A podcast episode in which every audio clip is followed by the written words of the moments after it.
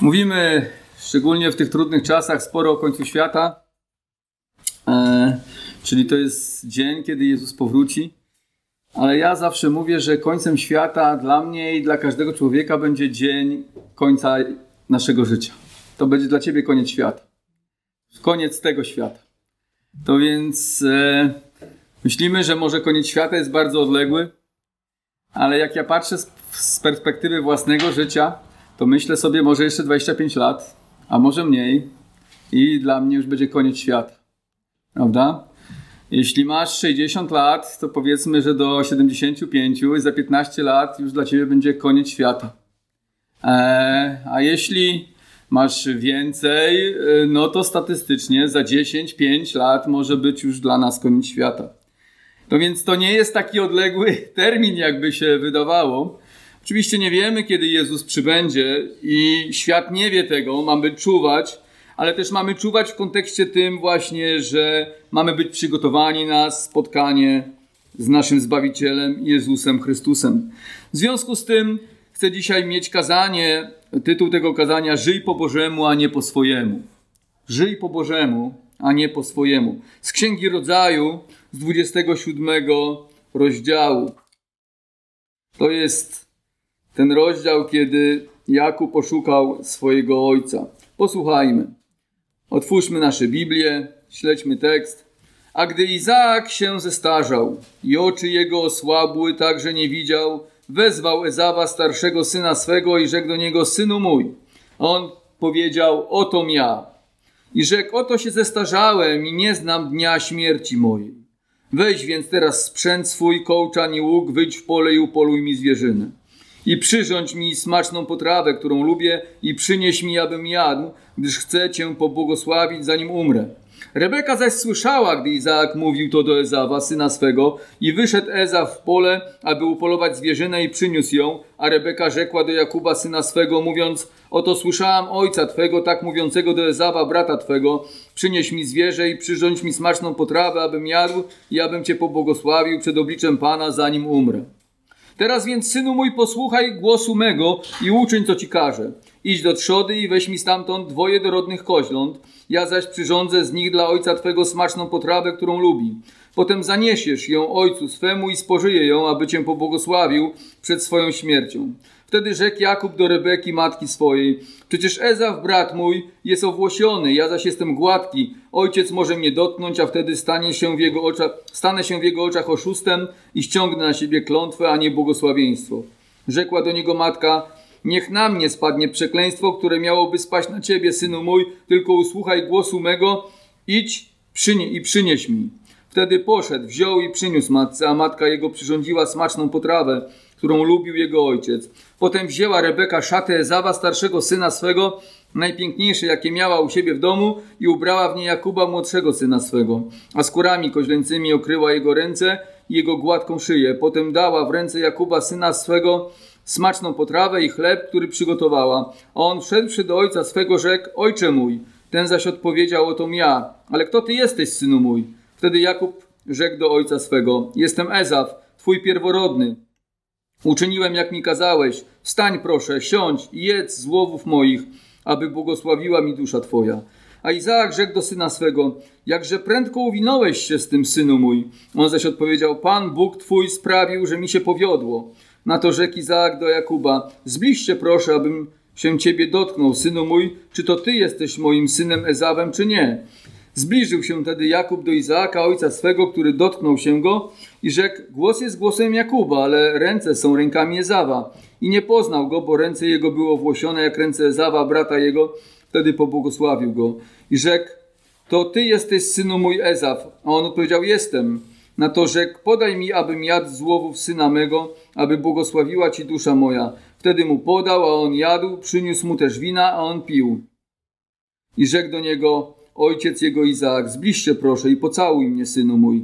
Zbliżył się przeto i pocałował go, a gdy poczuł woń szat jego, pobłogosławił go, mówiąc, oto woń syna mego, jak woń pola, które pobłogosławił Pan. Niech ci Bóg da rosę niebios i żyzność ziemi oraz obfitość zboża i wina. Niechaj ci służą ludy i niechaj ci pokłon oddają narody Bądź panem braci twoich, a niech ci pokłon oddają synowie matki twojej. Kto ciebie przeklinać będzie, niech będzie przeklęty, a kto tobie błogosławić będzie, niech będzie błogosławiony. A gdy Izaak skończył błogosławienie Jakuba, a Jakub tylko co odszedł od Izaaka, ojca swego, wrócił Ezaw, brat jego z łowów. Również on przyrządził smaczną potrawę i przyniósł ją ojcu swemu i rzekł do ojca. Niech wstanie ojciec mój i niech je z łowów syna swego, aby mi błogosławiła dusza twoja. Wtedy rzekł do niego Izaak, ojciec jego, kto ty jesteś? On odpowiedział, jam jest syn twój, pierworodny, twój Ezaw.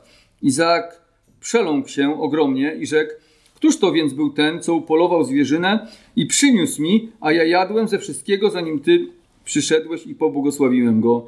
Wobec tego on będzie błogosławiony. Gdy Ezaf usłyszał słowa ojca swego, podniósł głośny i pełen goryczy krzyk i rzekł do ojca: Pobłogosław także mnie, ojcze mój. A on rzekł: Brat twój przyszedł podstępnie i wziął błogosławieństwo twoje. Wtedy rzekł: Słusznie nazwano go Jakub, podszedł mnie bowiem już dwukrotnie. Wziął moje pierworództwo, a teraz wziął moje błogosławieństwo i rzekł jeszcze: czy nie zachowałeś i dla mnie błogosławieństwa? A Izaak odpowiedział i rzekł do Ezawa: Oto ustanowiłem go panem nad tobą i dałem mu zasługi wszystkich pobratyńców jego. Zapewniłem mu dla cie... Zapewniłem mu zboże i wino, cóż więc mogę jeszcze dla ciebie uczynić, synu mój? Ezaw rzekł do ojca swego, czy tylko jedno błogosławieństwo masz, ojcze, pobłogosław także mnie. Ojcze mój, a Ezaw zaczął głośno płakać. Izaak zaś, ojciec jego, odpowiedział i rzekł do niego: Oto z dala od urodzajnej ziemi będzie siedziba twoja, z dala od rosy niebieskiej z góry. Z miecza twego żyć będziesz i bratu twemu służyć będziesz, ale gdy wytężysz siły, zrzucisz szyi jaż mojego. Dlatego znienawidził Ezaf Jakuba z powodu błogosławieństwa, którym go pobłogosławił ojciec i taki powziął Ezaf zamiar. Zbliżają się dni żałoby, po ojcu moim wtedy zabije brata mojego Jakuba. Rebece doniesiono słowa Ezawa, starszego jej syna. Wtedy ona kazała przywołać Jakuba, młodszego syna i rzekła do niego, brat twój Ezaw chce zemścić się na tobie i zabić cię. Posłuchaj więc, synu mój, głosu mego, wstań uciekaj do Haranu, do Labana, brata mego. Zamieszkaj u niego przez jakiś czas, aż przyjdzie, przejdzie złość brata twego, a gdy przeminie gniew brata twego przeciwko tobie i zapomni o tym, coś mu uczynił, dam ci znać i sprowadzę cię stamtąd. Czemu jednego dnia miałabym was obu stracić? Potem rzekła Rebeka do Izaaka: Obmierzło mi życie moje z powodu córek Chetytów. Jeśli by Jakub miał pojąć za żonę którąś z córek Chetytów mieszkających w tym kraju, to po cóż miałabym jeszcze żyć? Panie, dziękuję Ci za te słowa i proszę Cię, pomóż mi tłumaczyć. Często zdanie, jakie słyszą rodzice od swoich starszych dzieci, to nie wtrącaj się w moje życie, chcę przeżyć je po swojemu. Nie wiem, czy może starsi rodzice mieli okazję słyszeć takie zdanie, ale często takie zdanie pada z ust dzieci, kiedy rodzice próbują jakoś e, prowadzić ich życie, podpowiadać im różne rzeczy. Niestety również Pan Bóg słyszy często to zdanie, nie tylko od niewierzących, ale również wierzących. Może jesteśmy zdziwieni. Niewierzący wypowiadają je głośno. Nie chcę, żeby Bóg wtrącał się w moje życie. Wierzący natomiast nie mówią tego głośno, ale w myśl tej idei często działają. To pokazuje właśnie nasz dzisiejszy fragment. Choć prawie wszyscy w tej rodzinie są wierzący, to nikt z nich nie postępuje jak wierzący. Zauważyliście? Taka smutna ta historia jest. Prawie wszyscy są wierzący, a nikt nie postępuje jak wierzący. Izaak chce dać po cichu błogosławieństwo Ezawowi, nie informując o tym pozostałych członków rodziny. Zwyczajowo w takiej uroczystości uczestniczyli wszyscy członkowie domu. Ale tutaj widocznie Izaak chce to ukryć przed Rebeką i Jakubem, bo wie, że oni się z tym nie zgadzają. Pewnie już wcześniej rozmawiali o tym, prawda? Był konflikt na tym tle, to więc chce wykluczyć tutaj Jakuba i Rebekę z tej uroczystości. Ezaf natomiast sprzedał pierworództwo i tym samym zrzekł się błogosławieństwa na rzecz Jakuba ale gdy ojciec chce go pobłogosławić, to nie protestuje. Raczej z chęcią pragnie przyjąć błogosławieństwo.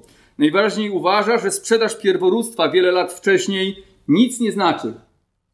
A tymczasem nasze decyzje z przeszłości mają konsekwencje w teraźniejszości. Prawda? Rebeka natomiast wpada na pomysł oszustwa swego męża, podsłuchując rozmowę między nim a Ezawem.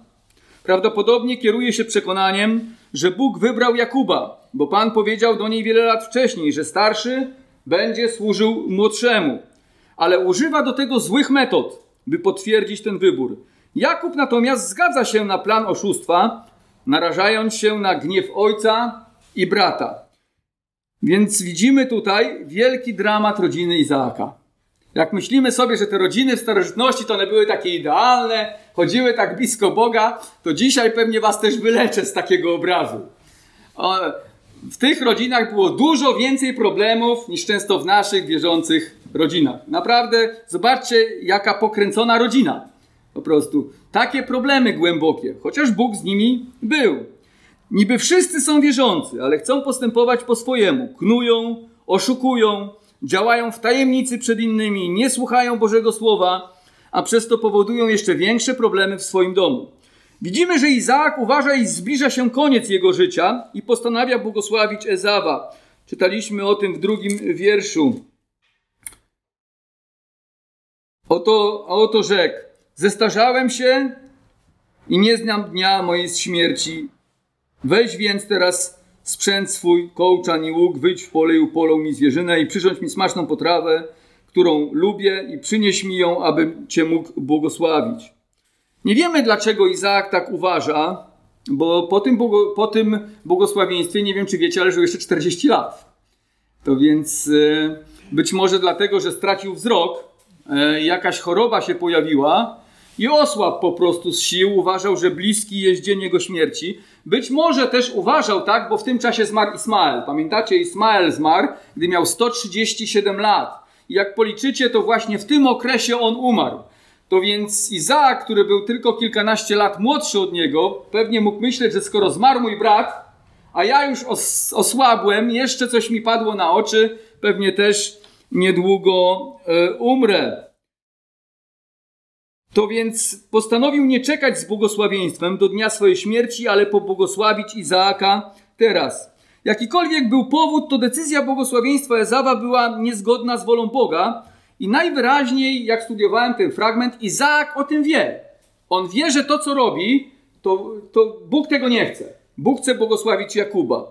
Przed narodzinami Pan przemówił do Rebeki, że wywyższy młodszego syna przed starszym i to starszy będzie służył młodszemu. Pamiętamy pewnie to proroctwo, prawda? Wygląda na to, że Izaak również wiedział o tym, że Ezaf sprzedał swoje pierworództwo Jakubowi, na co wskazują słowa z 36 wiersza. Wtedy rzekł, słusznie nazwano go Jakub, podszedł mnie bowiem już dwukrotnie, wziął moje pierworództwo, a teraz wziął moje błogosławieństwo. I on to powiedział przecież przy Izaaku, że najpierw on yy, pierworództwo wziął, a teraz zabrał błogosławieństwo. Najwidoczniej Izaak wiedział o tym. Wiedział o tym, że Bóg chce błogosławić Jakuba i wiedział również o tym, że Ezaf wcześniej sprzedał błogosławieństwo. To, że teraz czyni wszystko po cichu w tajemnicy przed Rebeką, świadczy, że był świadomy, że to Jakub powinien otrzymać błogosławieństwo, ale nie chciał mu go udzielić. Dlaczego? Bo bardziej miłował Ezawa. Pamiętacie? Bardziej kochał swojego pierwszego syna, to więc nie zgadzał się z tym, co Bóg chciał dla Jakuba. Chciał błogosławić Ezawa. Górę nad jego wyborami i decyzjami wzięły osobiste cielesne sympatie i zmysłowe doświadczenia zamiast Słowa Bożego. Szczególnie to widać, gdy mówi, że chce spróbować wspaniałej potrawy z, dziczyz z dziczyzny, jaką Ezaf przyrządzi mu, zanim go pobłogosławi. Nie przeszkadza mu również w przypadku Ezawa jego bezbożne postępowanie, choćby wtedy, gdy on wziął sobie dwie kananejskie żony, które później są powodem trosk dla jego rodziny. Jednak w przypadku Jakuba, nie wiem czy zauważyliście już na koniec, nakazuje Jakubowi 28.1, żeby nie brał sobie żony kananejki. Czyli też stosuje takie podwójne standardy, prawda? Że jak Ezaf sobie wziął dwie żony kananejskie, to w porządku, ale Jakub, no to Jakub ma tą porządną taką żonę sobie e, znaleźć. No widzimy, że ma takie, no właśnie, podwójne standardy w stosunku do swoich synów. Czy Izaak otrzymuje to, do, do czego dąży, poza słowem Boga? Chciałbym właśnie skupić się na tym, czy ci ludzie są szczęśliwi. Czy oni otrzymują to, czego pragną. Zobaczmy, że nie, nie otrzymuje. Zamiast wspaniałej dziczyzny, jaką miał mu przyrządzić Ezaf, dostaje koziołka ze swojej zagrody. Prawda? Pamiętacie, jak go jego żona Rebeka oszukała? Mówi: idź szybko do zagrody, weź dwa koziołki, ja przyrządzę tą smaczną potrawę dla ojca. Czyli on chce dziczyznę, dostaje dziczyznę? Nie dostaje. Dostaje koziołka ze swojej zagrody. Także zobaczcie, że nie otrzymuje tego, czego chciał. E, później e, chce błogosławić Ezawa i chce mu dać błogosławieństwo, a co mu daje? Przekleństwo. Czyli pamiętacie? E, czytaliśmy, że później Ezaw płacze, Boże, ojcze, czy nie masz dwóch błogosławieństw? No i wtedy jakby pod naporem Ezawa, on błogosławi go, ale to błogosławieństwo to nie jest błogosławieństwo, bo mówi z dala od urodzajnej ziemi będziesz mieszkał, z miecza będziesz żył, nie, będziesz służył bratu swemu, to więc chce błogosławić Ezawa, ale ostatecznie daje mu przekleństwo.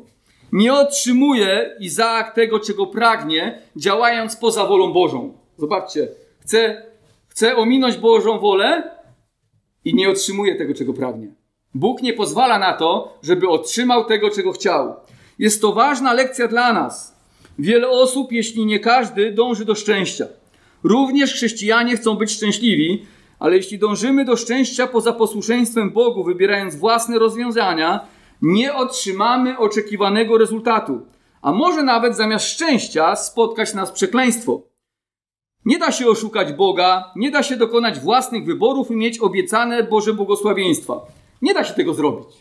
Po prostu jeśli chcesz ominąć Boga i teraz mieć szczęśliwe życie bez Boga, ale mieć trochę religii też, to nie będziesz szczęśliwy. Po prostu nie da się tego zrobić. Bóg tak to wszystko ułożył, że Izaak nie otrzymuje tego, czego pragnął. Psalm 73, wiersz 28 mówi: Lecz moim szczęściem być blisko Boga. Pokładam w Panu Bogu nadzieję moją, aby opowiadać o wszystkich dziełach Twoich. Jeśli chcemy mieć szczęśliwe, błogosławione życie nacechowane miłością, pokojem, nadzieją, wolnością od lęku i strachu przed śmiercią oraz sądem Bożym, to należy dbać o to, bym ja i moja rodzina była blisko Boga. Po prostu postępować po Bożemu. Bo jedynie On jest źródłem szczęścia. Pamiętajmy, że poczucie zadowolenia też w naszym życiu daje Bóg. Możesz nie mieć nic i być bardzo zadowolony, a możesz mieć wszystko i też nie być w ogóle zadowolony. I, i znamy po prostu mnóstwo takich ludzi. Teraz przyjrzyjmy się Rebece. Chciałaby jej syn Jakub otrzymał błogosławieństwo Izaaka. Widzimy, że jej pragnienie było zgodne z Bożą wolą. Tak? Ostatecznie to Bóg chciał błogosławić właśnie Jakuba, a nie Ezawa. Problem jednak w tym, że Rebeka miała złe motywacje i błogosławieństwa dla Jakuba nie chciała z powodu troski o Boży plan, ale dlatego, że bardziej go miłowała niż Ezawa, czyli pragnęła szczęścia swojego syna, pragnęła szczęścia swoich dzieci, przed tym, czego Bóg, tak, chciał i zamierzał dla jej dzieci. Więc fundamentem jej pragnienia było powodzenie dla dziecka, a nie Bóg. Żeby to osiągnąć, posunęła się również do podstępu i oszukała swego męża oraz drugiego syna. I ktoś może powiedzieć, że gdyby tego nie uczyniła, to Izaak pobłogosławiłby Ezawa i Boży plan nie wypełniłby się. Więc ostatecznie zrobiła dobrze. Ktoś może tak powiedzieć? No ktoś może tak powiedzieć. No to jakby się ten Boży plan wypełnił? Nie wydaje mi się, że zrobiła dobrze. Nie wydaje mi się, że jedynym wyjściem było oszustwo. Gdy usłyszała, że Izaak chce pobłogosławić Ezawa, mogła pomodlić się, zaufać Panu, pójść do Izaaka i powiedzieć mu, że jego zamiar jest niezgodny z Bożą wolą. Mogła to zrobić? Mogła porozmawiać z mężem? Nie zrobiła tego. Może rozmawiała wcześniej o tym. Nie wiem, nie znamy do końca tych relacji, które tam panowały, ale widzimy, że były nieciekawe. Ale mogła kolejny raz to zrobić. Mogła zaufać Panu, że Bóg dotknie serca Izaaka i nie będzie błogos- dotknie serca Izaaka i nie będzie błogosławił Ezaba.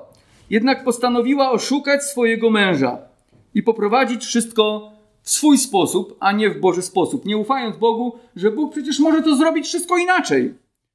Oszczędziłaby sobie wielu późniejszych kłopotów. Tymczasem wolała bardziej polegać na sobie i posłużyć się nawet grzechem, niż powierzyć sprawy Bogu. Teraz zobaczmy, czy była szczęśliwa, osiągając swój cel poza Bożą wolą. Wprawdzie dopięła swego. Dopięła swego, tak?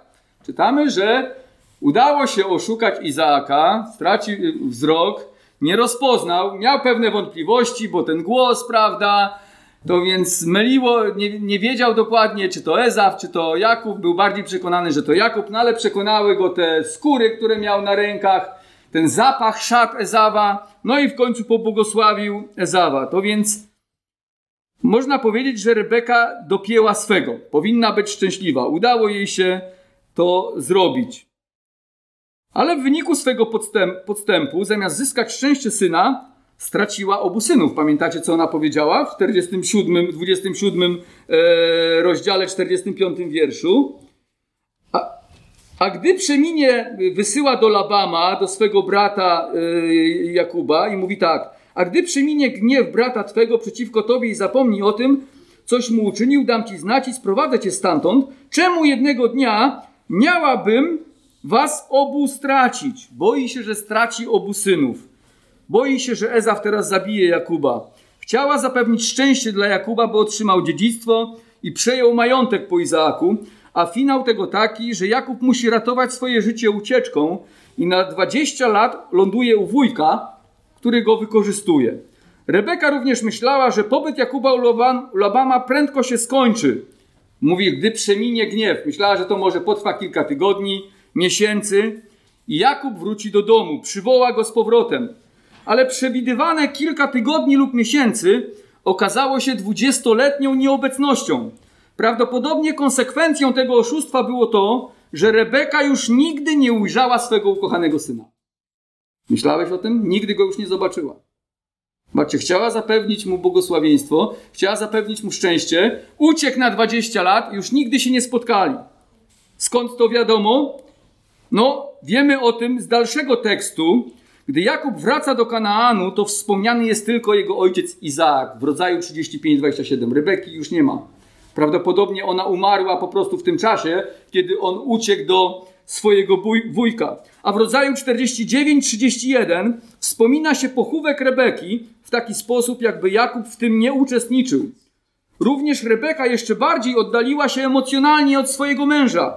Już wcześniej był podział między nimi ze względu na faworyzowanie synów, a teraz po takim perfidnym kłamstwie jeszcze się ten podział pogłębił. Hebrajski zwrot w wierszu piątym, że ona podsłuchała tą rozmowę, mówiący, że słyszała, wskazuje, że nie było to jednorazowe podsłuchanie, ale ona robiła coś, co było normą. Często podsłuchiwała, co, yy, o czym rozmawiał jej mąż Izaak. Dlaczego podsłuchiwała? Zobaczcie, nie, nie rozmawiali ze sobą. Nie dzielili się tym, co się działo w ich domu. Ona prowadziła swoje sprawy, on prowadził swoje sprawy. Bała się, że on pobłogosławi Ezawa, to więc musiała pilnować, kiedy to się wydarzy i podsłuchiwała swojego męża. To bardziej ukazuje nam, jaką głęboką nieufna, jaka nie, głęboka nieufność była w tej rodzinie między małżonkami jak bardzo musiała się ona pogłębić po oszustwie Jakuba. Tak więc Rebeka, lekceważąc wolę Bożą, chcąc sama zapewnić powodzenie swemu synowi i być szczęśliwą, mija się ostatecznie z tymi celami. Nie zapewnia synowi powodzenia, ale naraża go na wieloletnią tułaczkę, prawda? Bo ostatecznie e, no on nie jest bogaty, tak? I nie ma tego, czego ona pragnęła. Nie otrzymuje majątku po prostu Izaaka. Ucieka i tam pracuje. Wiemy, jak pracuje. No 20 lat pracuje za nic E, jest zresztą zmartwiony, że już tyle lat pracuje, nic nie ma, tam też zostaje oszukany, e, nie, to więc wcale nie jest błogosławiony w taki sposób, w jaki Rebeka chciała, żeby był błogosławiony. Do tego jeszcze bardziej oddala się od męża e, i oddala się od swojego syna. Zawa oddaliła się w sposób emocjonalny, to więc zobaczcie, ona straciła dwóch synów nie chciała stracić dwóch synów, czyli oszukała, nie chciała stracić dwóch synów, ostatecznie straciła dwóch synów, straciła jeszcze więź emocjonalną w głębszy sposób z mężem i nigdy swojego syna już więcej nie zobaczyła. Niestety, gdy decydujemy się na grzech i chcemy zapewnić sobie lub naszym bliskim powodzenie kosztem Bożej woli, zawsze kończy się tak samo.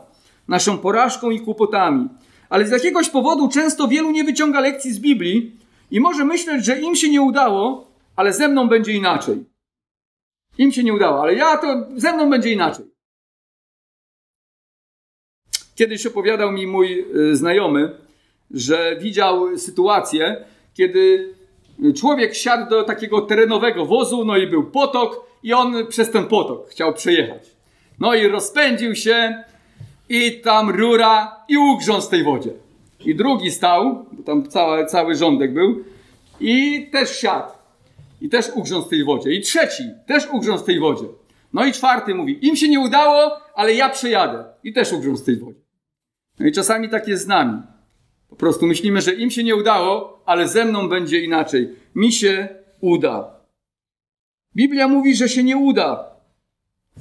Musimy wyciągać lekcje ze Słowa Bożego. Pan potrafi rozpoznać wszystkie nasze motywacje i przebłyski myśli. Dlatego Słowo Boże mówi, przy powieści Salomona 3:5, zaufaj Panu z całego swojego serca i nie polegaj na własnym rozumie. Pamiętaj o nim na wszystkich swoich drogach, a on prostować będzie twoje ścieżki. Rebeka postanowiła polegać bardziej na swoim rozumie i sprycie niż na Panu, zbierając gorzkie żniwo. A ja i ty, gdy staniemy przed różnymi życiowymi wyborami, na czym będziemy polegać? Na swoim sprycie czy na Panu? Teraz zobaczmy, czy Jakub osiągnął szczęście, dążąc do niego poza Bożą wolą. Wiemy, że od początku pragnął pierworództwa i błogosławieństwa, czyniąc wszystko, co w jego mocy, by je zdobyć. Już wcześniej wykorzystał głód swego brata i odkupił od niego pierworództwo. Czytaliśmy o tym 25-31. Teraz dowiaduje się o pomyśle matki, by oszukać swego ojca i nie protestuje dlatego, że jest to złe, ale dlatego, że mogłoby się nie udać i wtedy ściągnąłby na siebie gniew Izaaka. Nie wiem, czy zwróciliście uwagę. Wtedy rzekł Jakub do Rebeki, matki swojej, przecież Ezaw, brat mój jest owłosiony, ja zaś jestem gładki. Ojciec może mnie dotknąć, a wtedy stanie się, stanę się w jego oczach oszustem i ściągnę na siebie klątwę, a nie błogosławieństwo. Smutne jest to, że jego obawy wobec intrygi Rebeki nie są na tle moralnym, że takie postępowanie nie podoba się Bogu, ale na tle pragmatycznym. Czasami złapią złodzieja i tak żałuje, ale żałuje, że go złapali, a nie dlatego, że, nie dlatego, że ukradł. Prawda? Tak wcale nie ma pokuty po prostu, wcale nie ma skruchy w jego sercu. Widzimy w ten sposób, że serce Jakuba również jest zepsute. Nie sprzeciwia się matce, a przecież nie mamy tu do czynienia z jakimś nastolatkiem, ale w tym czasie ma już ponad 70 lat. To nie jest y, młody człowiek, prawda?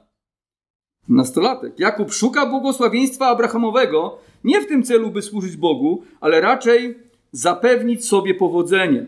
Angażując się w intrygę matki, zdecydowanie kłamie, gdy w XIX wierszu mówi, że jest Ezawem, a nawet wykorzystuje Boga, by uwiarygodnić swoje kłamstwo, gdy w XX wierszu na pytanie Izaaka, jak to się stało, że tak szybko uwinął się z polowaniem i gotowaniem posiłku, odpowiada, że Bóg mu pomógł. Twój Bóg mi pomógł, dlatego udało mi się to wszystko zorganizować. Jednak Izaak ma wciąż wątpliwości, więc prosi Jakuba, by się zbliżył w 21 wierszu. A następnie jeszcze raz pyta go, czy jest Ezawem, a Jakub odpowiada, że nim jest.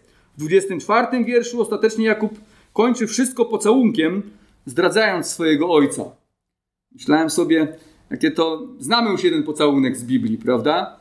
To jest pocałunek Judasza w stosunku do Jezusa. Widzimy, że skala jego kłamstwa wzrasta i grzech wciąga go coraz głębiej. Może w tej chwili jesteśmy strasznie oburzeni, myślimy sobie, jak on mógł tak postąpić. Ale bardziej właściwe będzie przyjrzeć się samemu sobie, czy my czasami nie idziemy na kompromis z prawdą, tłumacząc to szlachetnymi celami. A może nawet wciągamy w nasze grzechy i osobiste pragnienia Boga, mówiąc, że nas w czymś lub do czegoś prowadzi, co w rzeczywistości jest wyłącznie naszą rządzą, a nie Bożą wolą. Podobnie jak Jakub, pobożnymi słowami możemy spróbować ukryć nasz grzech. Kiedyś słyszałem historię od jednego z pastorów, który mówił, że jedna kobieta e, i mężczyzna w kościele zakochali się w sobie, ale oboje byli w małżeństwach. I mówią, że będą modlić się do Pana, czy Pan chce, żeby opuścili swoich małżonków, prawda? I byli ze sobą. No i modlili się miesiąc i nawet pościli chyba przez dwa tygodnie. I doszli do wniosku, że to jest Boża wola, że takich Bóg prowadzi, żeby zostawić swoich małżonków i być ze sobą.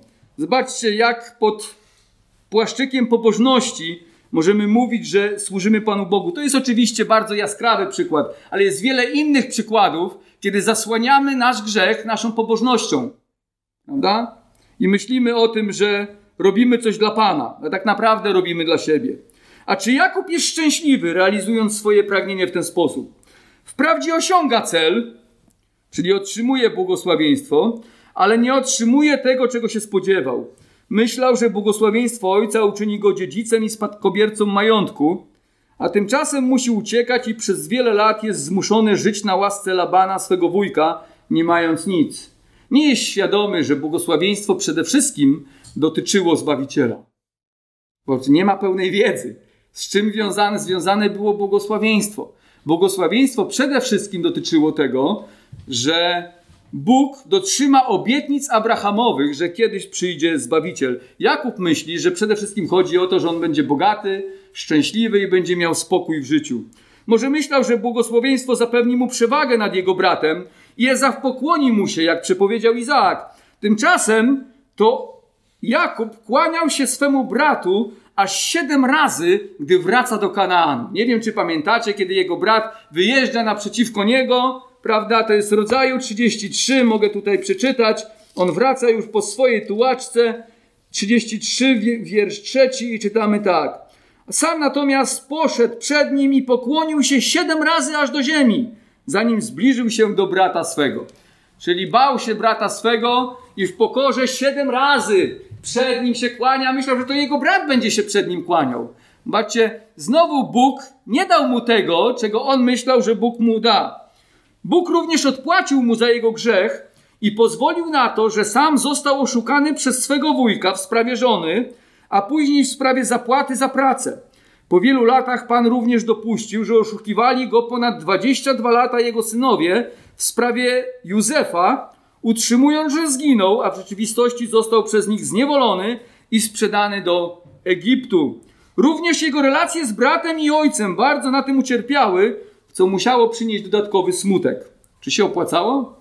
No sami sobie odpowiedzmy. Czy grzech się opłaca?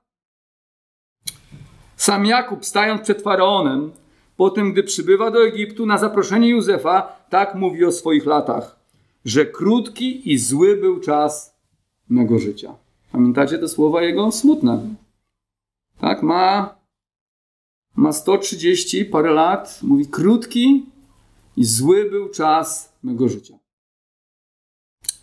W dużej mierze przez grzech, na który się zdecydował. Więc nie był szczęśliwy, bo szukał własnej drogi. Ja nie mówię o tym, czy nie był zbawiony. Był zbawiony, tylko po prostu wybierał często własną drogę jako zbawiony człowiek i nie był po prostu szczęśliwy. Lekceważył Boże, Boże zasady. Teraz przyjrzyjmy się Ezawowi. Nie zależało mu na Bożych rzeczach, ale chce Bożego błogosławieństwa i błogosławieństwa swego ojca.